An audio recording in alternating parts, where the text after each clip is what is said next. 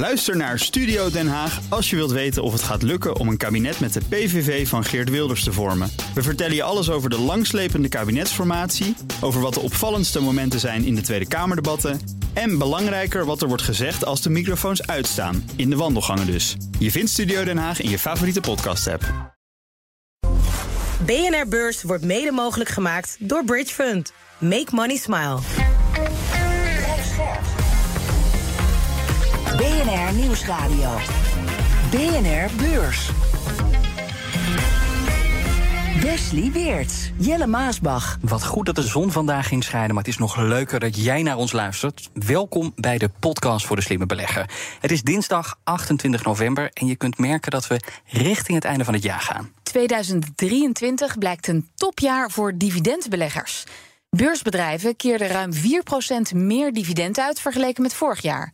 In totaal dik 1600 miljard dollar. Dat blijkt uit onderzoek van een grote vermogensbeheerder. De AX dan die ging 0,4% naar beneden en sloot net boven de 761 punten. DSM Firmenich is het aandeel dat vandaag het meest daalde. Het ging 2,8% naar beneden. En de man aan wie we ons altijd kunnen optrekken is hier in de studio Luc Holtappels van ING Investment Office. En je hoort zo meer over de beursgang van Shein. Een bedrijf dat 90 miljard dollar waard zou zijn. Nou, dan heb je geen idee waar ik het over heb. Nou, het komt goed, straks vertellen we je er alles over. Ja, dat is zo. Eerst het andere nieuws. Begin ik eh, met Volkswagen. Het gaat dan toch gebeuren. Volkswagen gaat duizenden mensen ontslaan. 4 tot 6000, meldt Handelsblad. We wisten dat er ingegrepen ging worden. Want ja, het loopt niet lekker bij de autobouwer. Nee. Maar nu weten we dus uh, dat ze het gaan doen met een massa-ontslag. Ja, en dat werkt ook het snelst. Want ja, wat, wat is het? Ze moeten 10 miljard euro gaan besparen? Zeker. Ze moeten de marges uh, op die manier van 3 naar 6 procent krijgen, zeggen ze. En de kosten dus structureel naar beneden. Maar onder analisten zijn er wel twijfels over dit plan. Want het probleem is, ze zijn niet concurrerend genoeg. De kosten zijn te hoog en de elektrische modellen verkopen niet goed. Dus ja, dan is de vraag, gaat hun uh, ingrepen dat allemaal oplossen? Precies. Ik zag nog wat over een Chinees AI-bedrijf. Dat bedrijf dat heet SenseTime. Nou, je hebt er denk ik nog nooit van gehoord, maar ik vond het toch wel een goede waarschuwing voor beleggers en dus het noemen waard. SenseTime is een groot Chinees bedrijf gespecialiseerd in gezichtsherkenning. Mhm. Maar het werkt ook aan een ChatGPT-concurrent. Uh, alleen dat bedrijf dat wordt beschuldigd zijn inkomsten kunstmatig te hebben opgeblazen. En makkelijk gezegd zou SenseTime geld aan klanten hebben gegeven. En met dat geld zouden die klanten dan weer bij SenseTime producten hebben gekocht. Uh, dat beweert in ieder geval een shortseller naar eigen onderzoek. En onder meer Bloomberg en CNBC schrijven daarover. Nou, SenseTime ontkent al die aantijgingen natuurlijk. Maar belangrijke les wat mij betreft is, en die wil ik dan toch even meegeven... iedereen en zijn moeder zegt tegenwoordig iets met AI te doen. Maar ja, geloof bedrijven niet blind als ze claimen er bakken met geld mee te verdienen. Bij dat SenseTime dacht ik dat zou wel zo'n pikant bedrijf zijn of zo, weet je wel. Net Het als Easy mee. Toys, maar dat was Nee, het dus het- niet. De naam suggereert dat wel. Ben ik met je eens. Blijf ik toch even braaf in de categorie vervoersmiddel. Het was een eh, mooie beursdag voor Ibusco, de maker van elektrische bussen. Ze hebben namelijk een titel in de wacht gesleept. Ze zijn namelijk, hou je vast, in Italië geselecteerd in de categorie voorstedelijke bussen in klasse 1. Ja? En? Ja, dat dacht ik ook. Maar omdat ze in die categorie zijn toegelaten, kunnen ze hun bussen aanbieden aan Italiaanse overheden. zonder dat er een Europese aanbesteding aan te pas hoeft te komen. Daar waren beleggers heel blij mee. Koers ging eh, flink hoger van start. Sloot uiteindelijk een eh, keurige 2,5% in de plus. Nou, het wordt bijna voorspelbaar, Jelle. Want we hebben al de recordcijfers van Air France KLM gehad. Ryanair, Emirates, British Airways, geloof ik. Eh, Nou, we hebben nog heel veel bedrijven die ik ongetwijfeld niet heb genoemd in die luchtvaartsector. Maar ook EasyJet heeft een jackpotzomer achter de rug. En dat is de laatste in de rij van de grote luchtvaartmaatschappij die met cijfers kwam. En opnieuw een recordvraag. 20% meer passagiers. En de jaaromzet ging 40% omhoog. En ze profiteren net als de rest van de hoge ticketprijzen, zeker. Klopt, ja, en dat zorgt er dan ook mede voor dat EasyJet voor het eerst sinds de coronapandemie een jaar afsluit met winst. En de luchtvaartmaatschappij gaat ook weer dividend betalen. En dat is ook voor het eerst sinds corona. Straks hebben we het over Europese techbedrijven. Investeerders die willen tientallen miljarden minder pompen in tech van Europese bodem. En dat gaan beleggers merken. Het gonst al een tijdje rond, maar nu lijkt het dan echt te gaan gebeuren. De Chinese online kledingwinkel Shein gaat naar de Amerikaanse beurs. En volgens Reuters moet dat ergens in 2024 gebeuren. Nou, de kleding mag dan goedkoop zijn. Shein krijgt zelf wel een stevig prijskaartje opgeplakt. De waarderingen lopen uiteen, maar lopen op tot 90 miljard dollar. En daarmee is het een van de grootste beursgangen in jaren... en het waardevolste Chinese bedrijf dat ooit naar Wall Street trok. Als die voorspellingen dus uitkomen. Waar heeft Shein die stevige waarderingen aan te danken, Luc? Ehm, nou, om te beginnen hebben ze echt wereldwijd een enorme klantenbasis. Hè. Ze hebben wereldwijd meer dan 100 miljoen klanten, wat ook wel een beetje de omvang aanduidt. En ik denk ook wat helpt in die waardering, wat hun ook wel een beetje uniek maakt in die zin, is dat hun vaste kosten ook, ook veel lager zijn dan vergelijkbare ketens zoals H&M en de Zara. Ehm, omdat zij vooral ook echt zitten op dat aspect van online shopping. Hè. Ze hebben niet echt vaste fysieke winkels, wat natuurlijk enorm scheelt in de kosten. Ze hebben wel van die pop-up stores, hè, wat het ook in zekere zin wel een beetje exclusiever maakt. Hè. Ze waren bijvoorbeeld laatst ook een keer in, eh, in Amsterdam. Hebben ze toch hier tijdelijk zo'n winkel. Hebben ze toch die exposure. Dus... Zeg jij nou exclusiever bij Shein? Nou, Noem je dat in één zin? Nou, exclusief qua kleding wil ik niet zeggen. Maar zo willen ze zichzelf wel positioneren. Hè. Ze willen zich echt positioneren als een uniek bedrijf. Wat echt via andere kanalen uh, mensen weet te benaderen. En dat doen ze tot zover uh, aardig goed. En de waarderingen zijn er ook wel naar. en hoe, hoe verhoudt die waardering zich ten opzichte van de grote rivalen? Je noemde ze net al H&M, maar bijvoorbeeld ook een Inditex de moeder van Zara? Ja, ik, eh, kijk, de, de waardering van, uh, van en zelf, die, die, die, is een beetje nog discutabel. Hè? Dat is mhm. heel moeilijk nog eh, iets op te plakken. Een tijdje geleden werd 100 miljard gezegd, nu werd volgens mij 66 miljard gezegd. Uh, als je dan kijkt naar gewoon de market cap van een H&M, die is 25 miljard. Van Inditex, moederbedrijf van Zara, uh, 125 miljard. Dus ja, het, het, schommelt er ergens tussenin. Maar het wil wel zeggen hoe enorm dit bedrijf in korte tijd toch is geworden. Want het bestaat pas een jaar of 15 of zo. Dus... Moet je nagaan. In de VS verkoopt ze al fors meer dan Zara en H&M. Maar hoe zit dat in de rest van de wereld? Uh, nou, in China verkopen ze niet heel veel. Het is voornamelijk de productie die in China plaatsvindt. Daar zijn ze ook echt begonnen. Het bedrijf heeft echt een Chinese origine. En de hoofdzetel zit op dit moment dan in Singapore. Maar echt de, de grootste klantenbasis zit echt uh, in de Verenigde Staten. Wat, wat mij betreft ook een klein beetje kan uh, verklaren waarom ze nu eigenlijk ook die beursgang in Amerika willen hebben. Hè? Omdat daar ook echt een grotere investor te krijgen. En daar beleggers proberen enthousiast te maken voor, voor dit aandeel. Hoe belangrijk is die beursgang voor Shein? Nou, ik, ik ben heel benieuwd hoe dit gaat uitpakken. Omdat het in zekere zin ook wel iets gaat zeggen over hoe Chinese bedrijven ervoor staan in Amerika. Hè? Want ze willen zichzelf niet per se positioneren als Chinees bedrijf. Maar als je daar op de website kijkt, dan zie je toch een beetje dat het een Chinese website is. Die is omgetoverd naar Nederlandse tekst. het ziet er toch allemaal een beetje niet heel high class uit. Maar goed, ja, ze willen zichzelf niet positioneren als Chinees bedrijf. Maar het is het in zekere zin toch wel een beetje. En ze gaan nu naar de beurs in Amerika. Dus eh, los van het feit dat het om Xi denk ik dat het veelzeggend gaat zijn voor over hoe enthousiast Amerikaanse beleggers zullen zijn voor uh, toch Chinese bedrijven of bedrijven van Chinese origine. En ze hebben dus in 15 jaar tijd dit voor elkaar gekregen. Dat is echt knap. Wat gaan ze met dat geld doen, los van een goede website eh, bouwen? ik denk een goede website is sowieso een goed idee zijn. Oh, die staat er wel op, ja. Maar wat gaan ze nog meer, zonder gekkigheid, wat gaan ze nog meer met al dat geld uh, doen dat ze gaan ophalen? Nou, ik, uh, ik heb gelezen dat ze ook plannen hebben om, net als wat Amazon nou doet, hè, met een Amazon Marketplace, om daar een soort van platform voor op te zetten dat ook derde retail sellers, zeg maar, ook via hun platform ook producten aan kunnen bieden. En dat ze op mhm. die moment, oh ja, op die manier nog groter eh, kunnen worden. Ehm, en daarnaast doen ze gewoon ontzettend veel aan marketing natuurlijk. Wat ook heel veel via eh, TikTok en weet je wel, de Gen Z, hoe ze dat dan noemen, eh, loopt. Dus die zullen er ook wel de nodige centen voor krijgen. En ja, die video's worden echt enorm veel bekeken. Dus die marketingbudgetten die, die hebben in zekere zin ook wel effect. Ik las toevallig nog vlak voor de uitzending dat in totaal die video's 11 miljard keer bekeken zijn, die, die TikTokjes.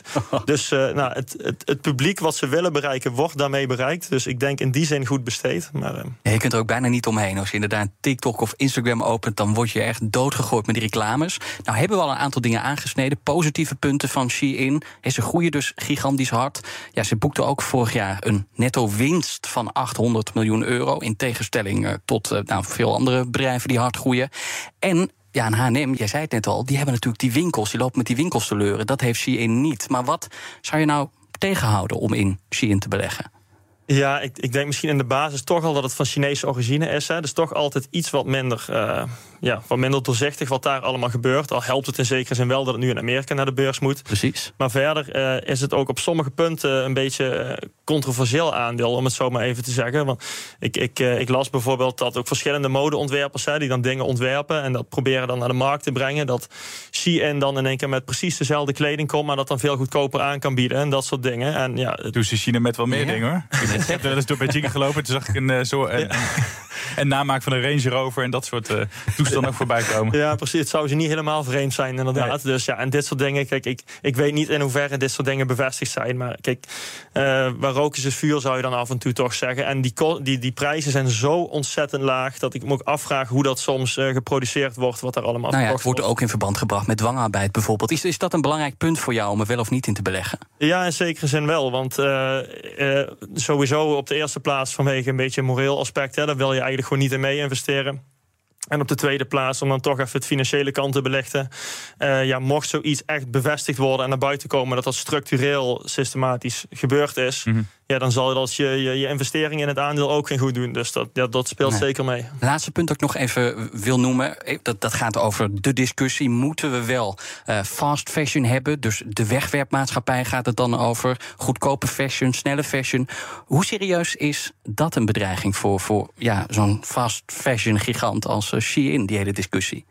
Um, ja, ze maken er vooral ook een beetje gebruik van, denk ik. Hè? Want wat Shein echt doet, dat is echt op basis van uh, data, zeg maar, proberen trends voor te zijn. Dus zij kijken naar wat er goed verkocht wordt in winkels. Op basis daarvan gaan ze eigenlijk meteen dat produceren en dat dan weer verkopen. Dus, maar ja. voor hoe lang kan dat tegen zo'n lage prijs? Want daar gaat die discussie over. Moeten we dat wel willen, tegen zo'n lage prijs die kleding op de markt dumpen? Ja, dat, is, dat hangt er een beetje vanaf zeg maar, hoe dat dan geproduceerd wordt. Hè? En wat, ja, hoe dat hele uh, productieproces eruit ziet. Kijk, als dat allemaal heel netjes en schoon is, dan, uh, dan is dat in principe geen probleem, denk ik. Maar uh, ja, kun je je vraagtekens misschien bij zetten. Gaan we de strijd met Silicon Valley verliezen? Dat is de grote vraag als je kijkt naar de investeringen in Europese techbedrijven. Die gaan dit jaar namelijk halveren, blijkt uit State of European Tech, een groot onderzoek. 45 miljard dollar gaat er naar tech en daarmee zijn de investeringen terug op het niveau van ja, jaren geleden, toen we nog niet wisten wat corona betekende. Investeerders die maken zich zorgen om de hoge rente en doen voorzichtiger aan één nieuwe toepassing redt de boel en dat is AI. Daar wordt dan nog wel volop in geïnvesteerd. Al denkt Constantijn van Oranje van TechLeap niet dat dat nu de redding is? Nee, ik denk het niet. Ik denk dat je ook vorig jaar zag je dat een andere categorie was vooral klimaattech. En daar heb je een grote investeringen gezien. Ook natuurlijk in batterijtechnologie en dergelijke. Ik denk dat daar nog steeds heel veel, uh, heel veel te doen is. AI is natuurlijk een, uh, dat, dat, past iets beter in de meer software georiënteerde uh, venture capital um, modellen. Dus de, de, de grotere traditionele venture capital fondsen zullen daar veel sneller daar geld in, in kunnen stoppen. Maar de onderliggende stroom van investeringen, wat wij dan deep tech noemen, die, die zet zich ook door. En, en dat zijn natuurlijk de ASML'en van de toekomst. En dan hebben we het over uh, ook in Nederland extra investeringen in, in semiconductors. Dus daar zit dan wel weer wat groei. Al dus Prins Constantijn in gesprek met BNR Beurs. Ja, eerst maar even, Luc, wat betekent dit voor Europa dat er gewoon veel minder geïnvesteerd wordt in tech? Ja, ik, in zekere zin zou je kunnen zeggen een, uh, een zorgelijke ontwikkeling. Ik denk, ja, als je gaat kijken wat het, uh, wat het betekent. Uh, er is natuurlijk in die periode van corona, om daar maar even op terug te vallen, is er enorm veel geïnvesteerd in die mm. hele tech-industrie.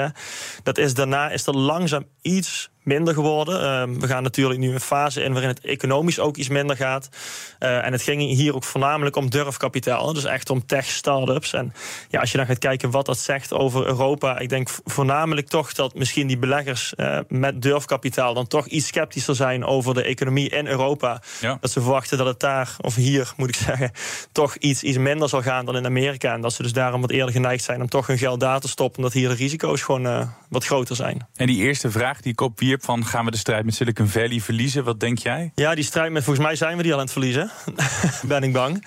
Um, je ziet natuurlijk al uh, jaren en jaren dat zeker de tech-industrie in Amerika het stukken beter doet de, dan de tech-industrie in Europa. Als je kijkt welke namen hebben wij hier in Europa, die echt, echt grote succesvolle spelers, dan kan ik ASML opnoemen, maar eigenlijk alle grote echt grote spelers. Uh, wat ook al de Magnificent Seven wordt genoemd dit jaar. Die het ontzettend goed gedaan hebben. Zitten eigenlijk allemaal in Amerika. Dus we zijn die strijd denk ik al een beetje aan het verliezen. En net werd uh, en die opname ook AI even aangehaald. Ja. Ook als je daarnaar kijkt. Ja, uh, bedrijven die het meest geld hebben om daarin te investeren. Die, die zitten ook in de Verenigde Staten. Hè? Dus in Europa lopen we in die zin wel, wel een stukje achter, denk ik. Ja, hij maakt zich ook zorgen, zegt hij tegen BNR Beurs. Want techbedrijven die zijn nodig, uiteindelijk ook in de energietransitie. En dus moet er geld naartoe. Als je kijkt naar onze batterijtechnologie, je bedrijven zoals uh, Battleizer, uh, Leidenjar, Leon Volt, die hebben allemaal uh, behoorlijk grote investeringen nodig om fabrieken te bouwen. En voor hen um, is het misschien wel aantrekkelijker om gebruik te maken van de belastingvoordelen die de IRA in de Verenigde Staten voor hen beschikbaar heeft. Dus als je dan moet kiezen waar je fabriek bouwt, waarom doe je dat dan? Dan zou je dat in een versplinterde Europese markt doen, terwijl je het financieel eenvoudiger in een grote markt als Amerika kan doen. En dat is echt wel een dreiging voor al onze ambities op het gebied van, van deep tech. Los van welke bedrijven we zouden moeten starten hier, dat is natuurlijk het grote ding. Hè? Die belastingvoordelen van die Amerikanen. Sowieso al die voordeeltjes die ze daar optuigen. Ja, nee, dat helpt enorm. En uh, dat zie je denk ik ook in dit soort cijfers terug. Hè. En kijk, ook in Europa proberen ze dit soort ontwikkelingen wel te stimuleren. stimuleren. Het is niet dat Europa helemaal stilstaat. Ook op het gebied van energietransitie of op het gebied van ontwikkelingen in tech of AI of hoe je het ook wil noemen. Ja. Um, ook daar staat in Europa niet stil. Dus ook Europa die probeert wel die steun of die meewind te geven. Maar Amerika lukt dat op dit moment nog iets beter. Omdat je ziet dat beleggers toch meer uh, die kant op trekken. Ik zag toch net je ogen twinkelen toen het ging over een uh, Chinees kledingbedrijf dat naar de beurs in Amerika ging. dat zie je in. Ben jij niet bang dat wij hippe beursbedrijven in Europa gaan missen nu er minder in tech wordt geïnvesteerd? Want dat is natuurlijk ook mooi, toch? Als we dat op de beurs kunnen verwelkomen. Ja, nee, dat zou zeker mooi zijn als we die in Europa ook uh, kunnen verwelkomen. Maar uh, klinkt wel wat minder enthousiast. nee, ik, eh, ik, ik vind het een lastige. Ik, ik denk dat wij op dit moment uh, de mooie bedrijven, zoals ik zei, al een beetje missen hè, op dit moment in Europa. En dat de mooiste namen in die zin ook al te vinden zijn in Amerika. En goede bedrijven trekken in die zin misschien ook een beetje goede bedrijven aan. Hè, of uh, andere beleggers kijken ook waar uh, andere investeerders zitten of waar zij hun heil zien. en het is afwachten hoe het in Europa de komende jaren gaat, gaat lopen. Maar ik, ik ben bang dat het echt lastig wordt voor Europa om echt bij te blijven. En Kijk, als je kijkt, dan bij beleg heb je altijd zo'n concept als soort van mean reversion. Hè? Dat op een gegeven moment als Amerika het heel lang beter heeft gedaan en, en Europa wat minder, dat het op een gegeven moment dan wat terugtrekt naar een soort gemiddelde. Hè? Van dat Europa er wel weer een keer aankomt.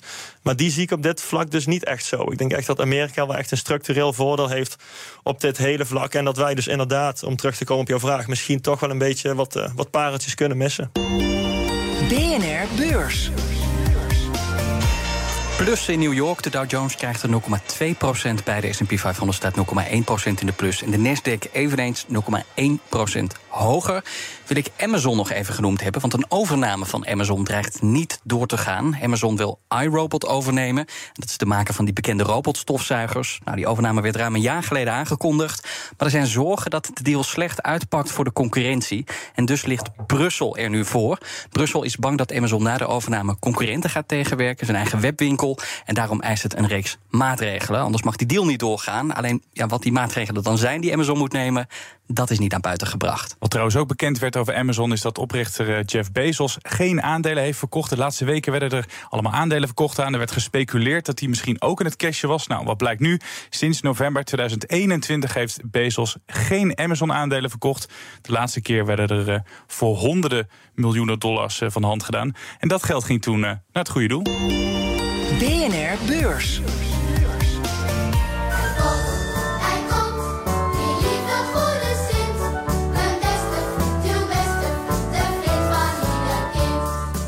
Deze hele week spelen onze gasten voor Sinterklaas. We vragen ze welk aandeel zij in jouw schoen zouden stoppen. Nou, en dit keer de jongen die het meest zoet is geweest bij ING. Want hij is net terug uit Spanje. Hij hoeft er niet mee in de zak.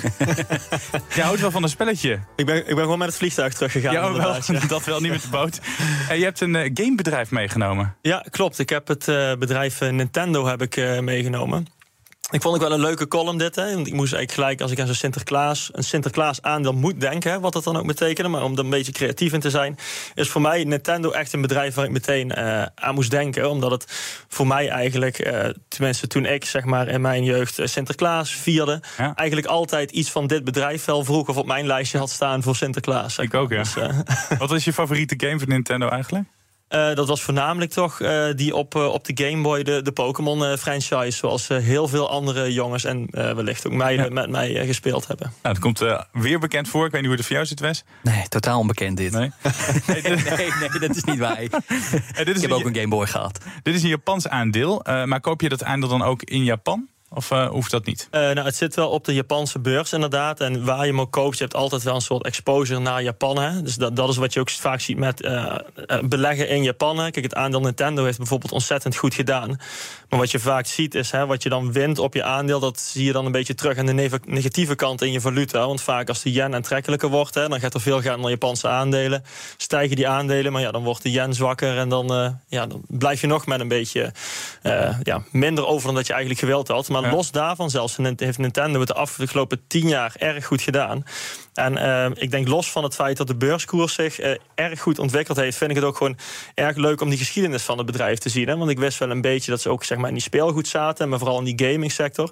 Maar ik, uh, ik moest eerlijk gezegd ook, ook, bekennen dat ik ook niet wist dat het echt al een bedrijf is wat al ruim 125 jaar bestaat. En dat het echt begonnen is met Japanse speelkaarten, toen naar speelgoed, toen naar gaming. Dus het is ook echt een bedrijf wat zichzelf vaker opnieuw kan, uh, kan uitvinden. Nou, jij vertelde net over jouw warme Sinterklaasgevoelens van vroeger, maar waarom dan toch Nintendo en bijvoorbeeld niet een Sony of een, of een Microsoft?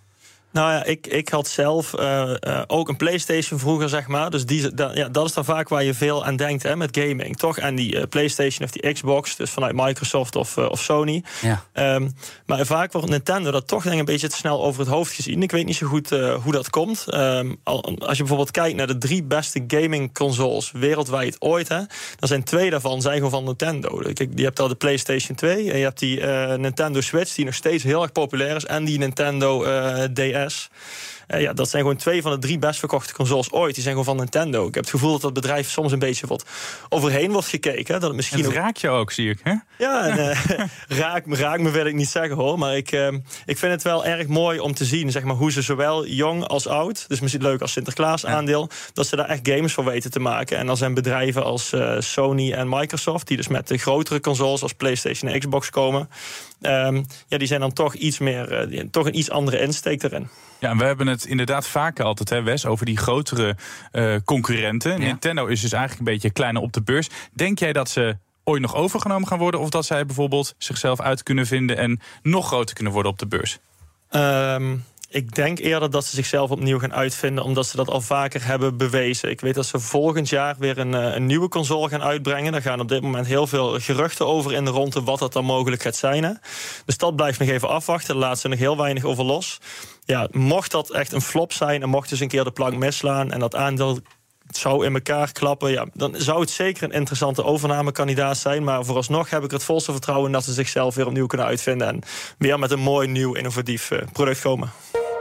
Tijd voor een blik op de agenda. En we gaan naar Johannesburg voor een spannend detective-verhaal. Misschien krijg je deze dag wel uitsluitsel over een economische cold case. De topman van Prosus. Waarom vertrok Bob van Dijk? Waarom is de nieuwe topman slechts een interimmer? En wie wil het wel echt gaan doen?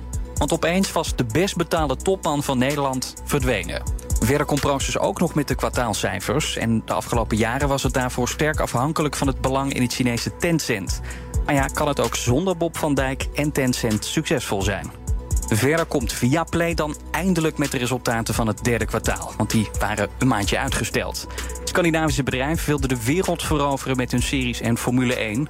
Maar dat plan mislukte. En wat volgde was winstwaarschuwing na winstwaarschuwing.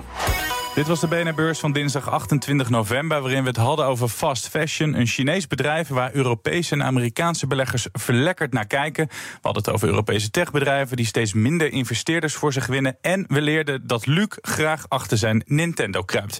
Luc Holtappels had ik het over van ING Investment Office. Dankjewel dat je er was. Jij bedankt voor het luisteren. En heb je trouwens nog een vraag? Die kun je opsturen naar bnrbeurs.bnr. En wie weet leggen we die vraag dan voor aan onze gast op vrijdag. Nou, dit was de uitzending van dinsdag. En morgen zijn we er weer. Tot morgen. Tot morgen. BNR Beurs wordt mede mogelijk gemaakt door Bridge Fund. Make money smile. Ook Diana Matroos vind je in de BNR-app. Ja, inderdaad. Je kunt live naar mij luisteren tijdens de Big Five. Ook handig in de BNR-app. Breaking nieuwsmeldingen, maar ook het allerlaatste zakelijke nieuws. En je vindt in de app alle BNR-podcasts, waaronder Wetenschap Vandaag. Download nu de gratis BNR-app en blijf scherp.